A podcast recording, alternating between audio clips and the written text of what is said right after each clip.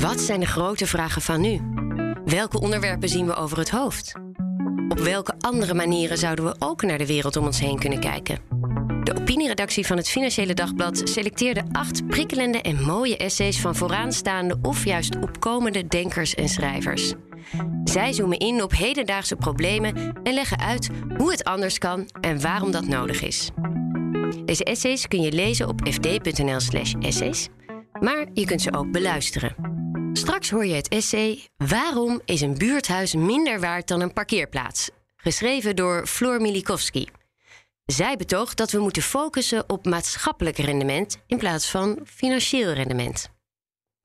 Eerst legt Jesse Beentjes van de opinieredactie uit waarom de redactie dit een belangrijk onderwerp vond en wie de auteur is. Uh, Floor Milikowski is, is uh, journalist en sociaal geograaf. Ze heeft veel voor de Groene Amsterdammer ook. Uh, ze heeft een aantal boeken geschreven over soort van de verhouding tussen ruimtelijke ordening en, en nou sociale verhoudingen in, in Nederland. het eerste boek, Wij zijn de stad, ging echt over gentrificatie in Amsterdam. Tweede boek met de prachtige titel Een klein land met verre uithoeken. Ging over Nederland, dus over nou, de verhouding van de regio's tot de steden. En, en recent een boek, Wij zijn de stad, over de kracht van de buitenwijk.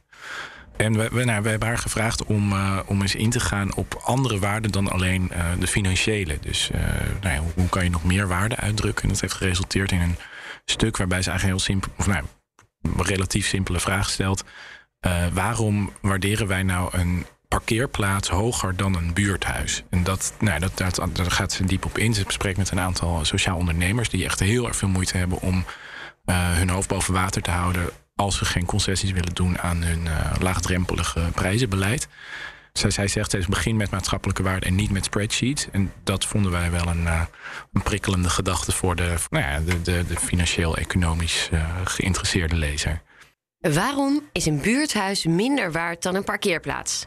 Door Floor Milikowski. Op het enige kruispunt in Hornhuizen, een dorp in het uiterste noorden van Groningen, staat de voormalige boerensociëteit. Het monumentale pand ligt aan een klein pleintje met aan de overkant de enige kerk van het dorp.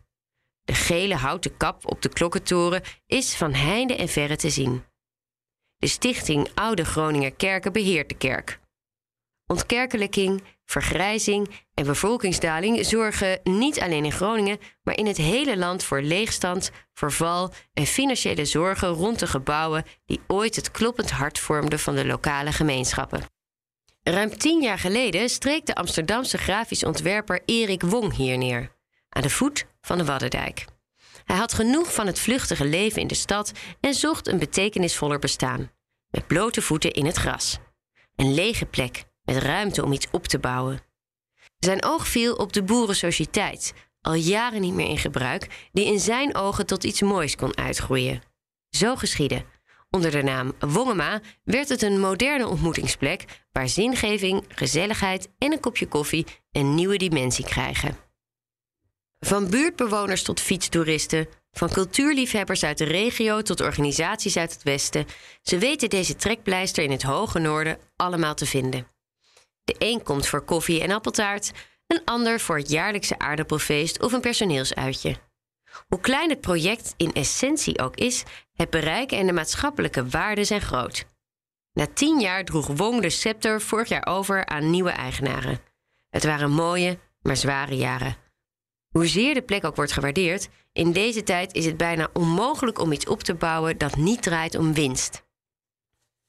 Kerken, buurthuizen, dakloze opvang, onderwijs, zorg, politie, defensie, als efficiëntie en jaarcijfers bepalender worden, raken maatschappelijke functies en waarden in het gedrang. Aan het einde van de rit kijken we niet naar de maatschappelijke bijdrage van een buurthuis, woning of juf, maar vooral naar de financiële verantwoording. Het leidt al jaren tot een tragische race to the bottom in sectoren waar de maatschappelijke waarde groter is dan de financiële waarde die we er in ons huidige denken aan toekennen. Omdat alles vooral rendabel moet zijn, zijn er te weinig leerkrachten, te weinig verpleegkundigen, te weinig agenten, militairen en te weinig woningen. Ook is er een ernstig tekort aan vrijblijvende ontmoetingsplaatsen waar je geen 3 euro hoeft te betalen voor een kopje koffie. Voor Wong was het een helskarwei om de financiering voor Wongema rond te krijgen. Uiteindelijk kocht stichting DBF, die zich inzet voor de leefbaarheid van het platteland, het pand. Wong werd huurder, tegen een hoge prijs die jaren als een molensteen om zijn nek bleef hangen. In een afgelegen dorp in het uitgestrekte noorden is geld verdienen met een laagdrempelige ontmoetingsplek niet makkelijk. Maar zonder inkomsten geen huur en zonder huur geen plek. Waar een kroeg op het Leidseplein of een hotel op de Amsterdamse grachten met weinig moeite iedere maand een behoorlijke omzet draait, is dat in Hornhuizen minder vanzelfsprekend. Hoeveel geld kan en wil je vragen voor een kopje koffie? Vraag je entree voor een dorpsfeest en hoe duur zijn de kaartjes voor films of concerten? Als je zonder zorgen de huur wil kunnen betalen, zet je hoog in. Wil je juist een plek zijn waar de drempel zo laag mogelijk is, dan probeer je de prijzen ook laag te houden. Met dit dilemma worstelt ook Stefanie Bieze, sociaal-cultureel ondernemer in Amsterdam Zuidoost. Al vier jaar runt zij buurtsalon Het Spinnenwiel in de bijzonder kwetsbare Rijk Vensterpolder. Tot 2015 was het beheer en de programmering van het buurthuis in handen van woningcorporatie De Alliantie. Door de nieuwe woningwet was dat niet meer mogelijk. Corporaties moeten zich beperken tot hun kerntaken en daar hoort een buurthuis niet bij. Dit betekende dat het geliefde buurthuis dreigde te moeten sluiten. Om dat te voorkomen richtten de bewoners van Vensterpolder een stichting op die het beheer en de exploitatie op zich nam. De ervaren Biezen werd manager. Juist buurten met weinig voorzieningen, op grote afstand van de dominante netwerken in de stad, met veel bewoners in kwetsbare posities, kan een buurthuis of een andere laagdrempelige ontmoetingsplek, zoals een bibliotheek, kerk of sportvereniging, van cruciaal belang zijn. Als je van huis uit minder kennis, vaardigheden en contacten meekrijgt dan leeftijdsgenoten in andere stadsdelen, is het waardevol als er een plek is om je verder te kunnen ontwikkelen. Lezen, muziek, programmeren, hoe meer je kan en weet, hoe groter je kans om verder te komen in het leven. Bovendien profiteert een lokale gemeenschap als geheel van individuele en collectieve ontwikkeling. In kwetsbare wijken zijn gemeenschappen relatief vaak aangewezen op enkele dragende krachten die fungeren als aanspreekpunt en verbindende factor die anderen in de buurt kunnen helpen en ondersteunen. Maar het spinnenwiel is er niet alleen voor jongeren.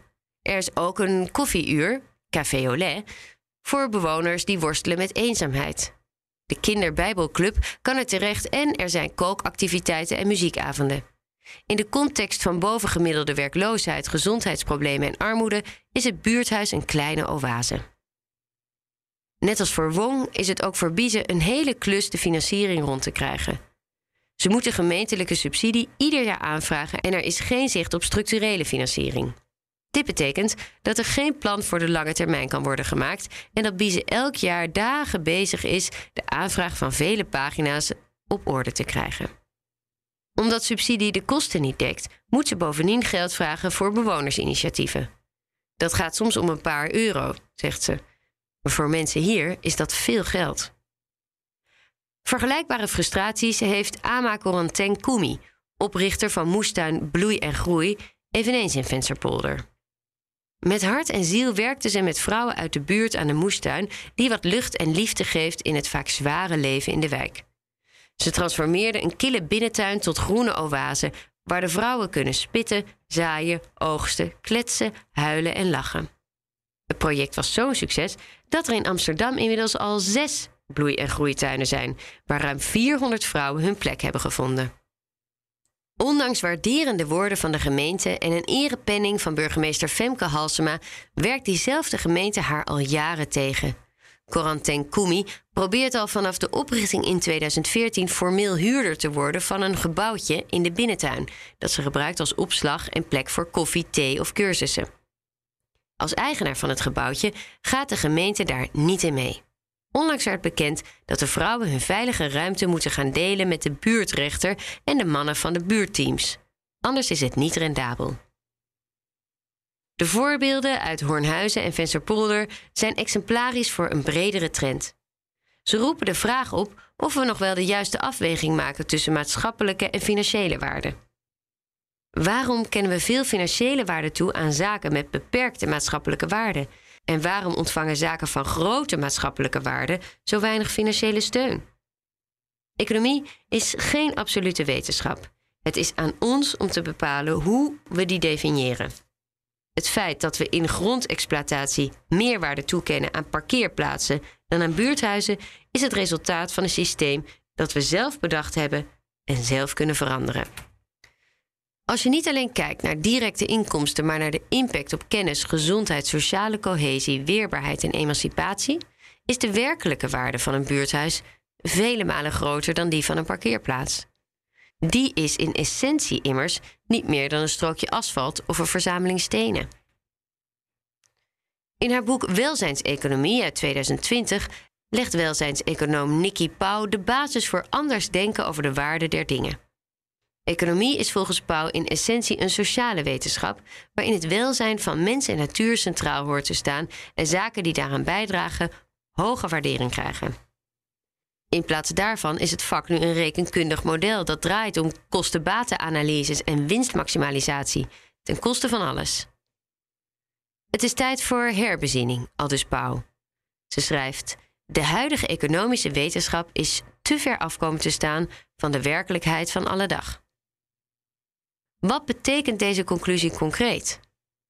Het begint met een andere werkwijze. Start een project niet met spreadsheets en rekensommen, maar met het formuleren van de maatschappelijke ambities. Pas als die duidelijk zijn, komen de financiën. Dit was het essay van Floor Milikowski. Wil je meer essays lezen of beluisteren die de opinieredactie van het FD selecteerde? Kijk dan op fd.nl/essays.